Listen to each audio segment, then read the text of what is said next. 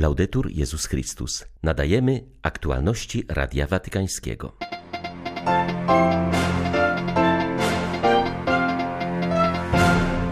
Dialog z wyznawcami innych religii jest drogą poszukiwania Boga, powiedział papież na audiencji dla dykasterii do spraw dialogu międzyreligijnego. W Nigerii można się spodziewać przelewu krwi na wielką skalę. Rząd zachęca pasterzy Fulani do podboju, mówi papieski przedstawiciel przy ONZ, komentując wczorajszy zamach na kościół katolicki, w którym zginęło ponad 50 osób. Ukraina cały czas liczy na pomoc militarną państw zachodnich. Gdyby ta pomoc nadeszła od razu, to prawdopodobnie dzisiaj problem wojny na Ukrainie już by nie istniał, mówi z obleganego Zaporoża biskup Jan Sobiło. 6 czerwca witają Państwa ksiądz Krzysztof Ołdakowski i Łukasz Sośniak. Zapraszamy na serwis informacyjny. Papież spotkał się z uczestnikami sesji plenarnej dykasterii do spraw dialogu międzyreligijnego. Franciszek zwrócił uwagę, że zajmuje się ona przede wszystkim promowaniem drogi poszukiwania Boga wraz z innymi wierzącymi w sposób braterski i wspólnotowy.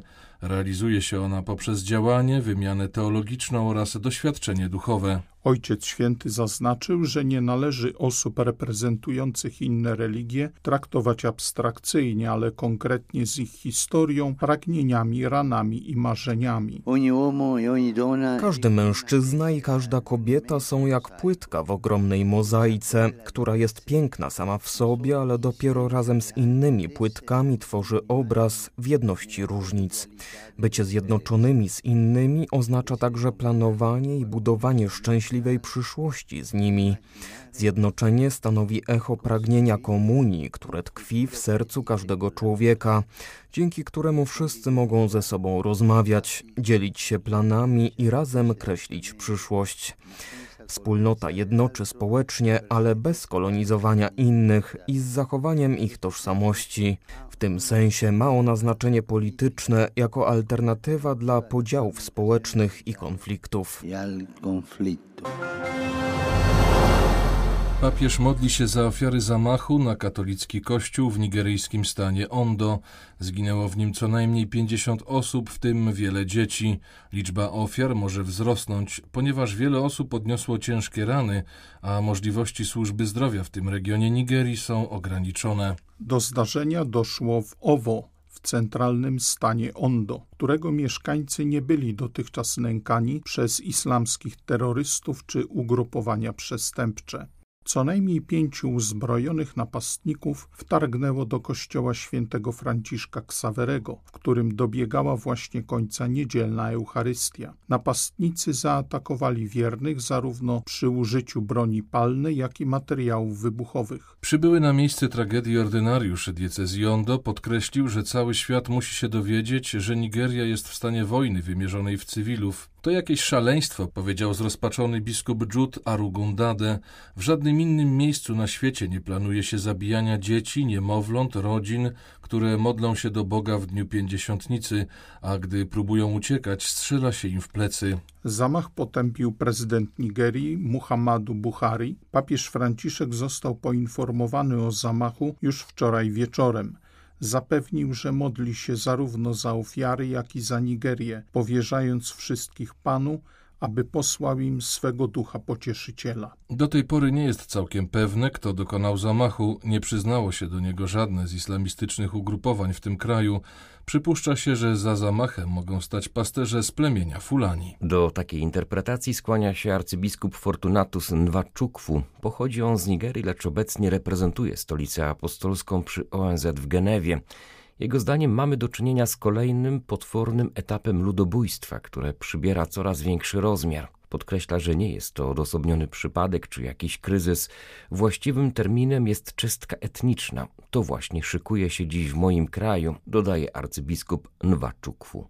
Podkreśla on, że akty agresji ze strony pasterzy Fulani pogłębiają atmosferę terroru w kraju, który został już zdziesiątkowany przez ugrupowania islamistyczne, przy czym największą cenę płaci zawsze Kościół. Nie ma w kraju silniejszej i bardziej wyrazistej struktury, a przede wszystkim żadna inna nie jest uznawana za punkt odniesienia w dziedzinie społecznej.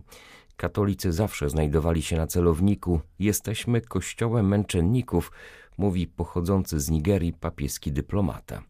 Winą za obecną sytuację obarcza on również nigeryjskie władze, które wystosowały apel do pasterzy Fulani koczujących poza Nigerią, aby powrócili i zajęli, a nawet podbili terytoria należące do innych grup etnicznych. Ta polityka ekspansji przygotowuje grunt pod rozlew krwi na wielką skalę, ostrzega przedstawiciel Watykanu w ONZ. Ukraina przeżywa 103 dzień wojny. Na wszystkich liniach frontu toczą się intensywne walki, zwłaszcza w okolicach Siewierodoniecka, sukcesywnie wyzwalanego przez ukraińską armię. W ostatnich dniach ponownie ostrzelana została także Ławra Świętogórska w obwodzie donieckim. W wyniku bombardowania zginęli mnisi i uchodźcy, którzy ukrywali się w klasztorze. Ten atak pokazuje, że dla rosyjskich okupantów nie ma nic świętego, zaznacza arcybiskup Światosław Szewczuk. Ciężko ostrzelany został Charków, którego mieszkańcy w ostatnim czasie przyzwyczaili się już do w miarę pokojowego życia. Całe terytorium Ukrainy jest celem dla rosyjskich rakiet. Dlatego żadne miasto ani żadna wieś w naszym kraju nie mogą czuć się bezpieczne. Ukraina stoi, Ukraina Ukraina stoi i broni się, ponieważ opiera się na jedynej trwałej opoce, jaką jest Bóg. W tych dniach oczekujemy na uroczystość zesłania Ducha Świętego. To właśnie trzecia osoba Trójcy Świętej sprawia, że nasze życie staje się płodne. Ewangelia ukazuje Chrystusa jako krzew winny, który uprawia Bóg Ojciec, a nas jako latorośle. Duch Święty jest tym życiodajnym sokiem, który sprawia, że gałązki przynoszą dobry plon. Chrystus mówi też, że każda latorośl, która nie przynosi owocu, będzie wycięta. Bez Ducha Świętego usychamy. Każdy grzech jak gdyby wysusza naszą duszę i czyni nas bezpłodnymi. Na Ukrainie widzimy, jak wielu wydaje wspaniały plon, ale są wśród nas także uschnięte gałęzie, które w dodatku wciąż nazywają siebie chrześcijanami. To wielki skandal na cały świat, że chrześcijanie, którzy swoją wiarę przyjęli właśnie w kijowskiej cerkwi, przybywają z Moskwy, aby mordować innych chrześcijan. Prosimy dziś Boga, aby oczyścił swoją ukraińską winnicę. Modlimy się za naszych wrogów, aby nie zatracili swoich dusz poprzez zło, które czynią ukraińskiemu narodowi. Swoimi zloczynami proti ukraińskiego narodu. Na obrzeżach Zaporoża od kilku dni toczą się intensywne walki. Rosjanie dostarczyli w okolice miasta dużej ilości ciężkiego sprzętu wojskowego. Prezydent Wołodymir Zełenski poinformował, że spotkał się z obrońcami, aby podtrzymać ich na duchu i wręczyć odznaczenia najdzielniejszym. Duch w narodzie jest silny, zapewnia biskup Jan Sobiło. Biskup pomocniczy diecezji charkowsko-zaporowskiej uważa, że choć zmęczenie i stres spowodowany wojną są ogromne, to zarówno obrońcy, jak i mieszkańcy miasta wciąż mają silną nadzieję i nie zamierzają się poddać. Czujemy, że z nami jest Bóg i dlatego to przetrwamy, zapewnia biskup Sobiło. W czasie spowiedzi, w czasie Komunii Świętej, jak sami mówią, otrzymują wielką pomoc. Przyszła pani wczoraj, mówi, ja nie wiem, co by było ze mną, gdyby nie możliwość bycia na mszy świętej, Komunii Świętej, spowiedzi. Czy ja bym przeżyła to okrucieństwo i to wszystko, co się dzieje wokół mnie. A więc ludzie są zmęczeni, ludzie są w pewnym sensie zdesperowani. Wiele osób zastanawia się, czy wyjeżdżać, czy znowu nie będzie w Zaporożu tego, co się stało w Mariupolu. I mówią, jedyne, co nas trzyma, to wiara, trzyma nas komunia święta, częsta spowiedź. Bardzo wiele osób przychodzi do sakramentu pojednania i potem do komunii świętej po wielu latach. Są ci, którzy w ostatnim czasie pierwszy raz przystąpili do e, spowiedzi i do Komunii Świętej, a więc odczuwają, że muszą znaleźć moc kimś, kto jest najmocniejszy, a największy i najmocniejszy jest nasz wielki Bóg. I takie piękne świadectwa, że w tej trudnej sytuacji, takiej można w pewnym sensie powiedzieć, że beznadziejnej dla wielu z nich, bo utracili bardzo już wiele w czasie tej wojny, odnajdują pokój i sens trwania i bycia i walki o to, żeby zwyciężyć właśnie w Bogu. Wiara daje im wielką moc. Także nawet potem y, wychodząc z kościoła wierni mówią, dzwonimy do naszych bliskich, żeby ich teraz podtrzymać na duchu. Ukraina cały czas liczy na pomoc militarną państw zachodnich. Gdyby ta pomoc nadeszła od razu po rozpoczęciu rosyjskiej inwazji, To prawdopodobnie dzisiaj problem wojny na Ukrainie już by nie istniał, uważa biskup Sobiło. Są chętni do walki, tylko brakuje nam możliwości technicznych. Ale najważniejsza jest modlitwa i żołnierze mówią, bo się z nimi spotykam, każdego dnia przyjeżdżają i mówią, że bardzo odczuwają modlitwę, odczuwają błogosławieństwo, które płynie w stronę Ukrainy i to ich podtrzymuje, że nawet jak widzą, że koledzy zginęli czy zostali ranni, ale wiedzą, że tyle ludzi się modli i też podkreślają żołnierze, że stolica apostolska, Ojciec Święty tak bardzo podtrzymuje Ukrainę. I dlatego też w ich imieniu pragnę podziękować wszystkim, kto pamięta w modlitwie o Ukrainie, w szczególności o żołnierzach, którzy bronią i Zaporoża, i całej Ukrainy, a jednocześnie chciałbym wyrazić także wdzięczność dla tych, którzy wspierają materialnie Ukrainę. Z każdym dniem miłość do tych, kto wspiera, a z Polski tego wsparcia jest bardzo wiele. Ona jeszcze bardziej potęguje siłę ducha, takie pragnienie, aby rzeczywiście wygrać tę wojnę, która przyniesie uwolnienie całemu światu od wielu uzależnień, które powstały wskutek rewolucji październikowej. Mówiłem uchodźcom, że choć Franciszek fizycznie nie może jeszcze przybyć na Ukrainę, to wspólnota Kościoła przez swoją pomoc czyni faktyczną jego obecność powiedział Radiu Watykańskiemu kardynał Leonardo Sandri, który w zeszłym tygodniu przebywał w Rumunii. Prefekt dykasterii do spraw kościołów wschodnich był znakiem bliskości papieża z katolikami tego kraju i z uchodźcami z Ukrainy. Przywiozłem papieskie słowo miłości i bliskości, a także ciężarówkę z podstawowymi artykułami spożywczymi. Byłem znakiem obecności papieża poprzez dary materialne, ale powiedziałem mi też, że powinni mieć świadomość, iż papież jest blisko i cierpi z powodu tego, co się dzieje, a czego końca nie widać.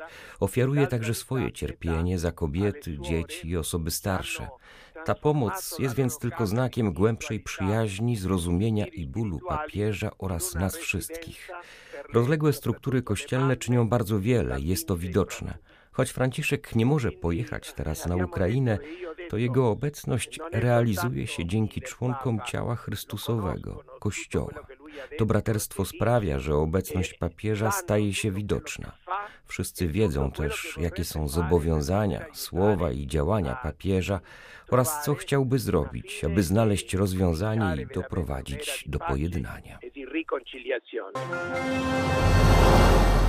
Na kilka tygodni przed wizytą papieża Franciszka w Demokratycznej Republice Konga biskupi po raz kolejny wyrazili niezadowolenie z powodu eskalacji przemocy na wschodzie kraju. Według ONZ ostatnie walki między rebeliantami a wojskiem zmusiły do opuszczenia domów prawie 100 tysięcy osób. Rebelianci należący do odradzającego się ruchu 23 marca rozpoczęli pod koniec maja ofensywę przeciwko siłom zbrojnym Demokratycznej Republiki Konga w kilku miejscowościach w prowincji Kiwu Północne na wschodzie kraju. Biskupi ubolewają nad kolejnymi aktami przemocy. Jak zaznaczyli w oświadczeniu, próby odebrania ludziom chwili radości związanej z papieską wizytą, która będzie źródłem błogosławieństwa dla kraju, są niesprawiedliwe i niehonorowe.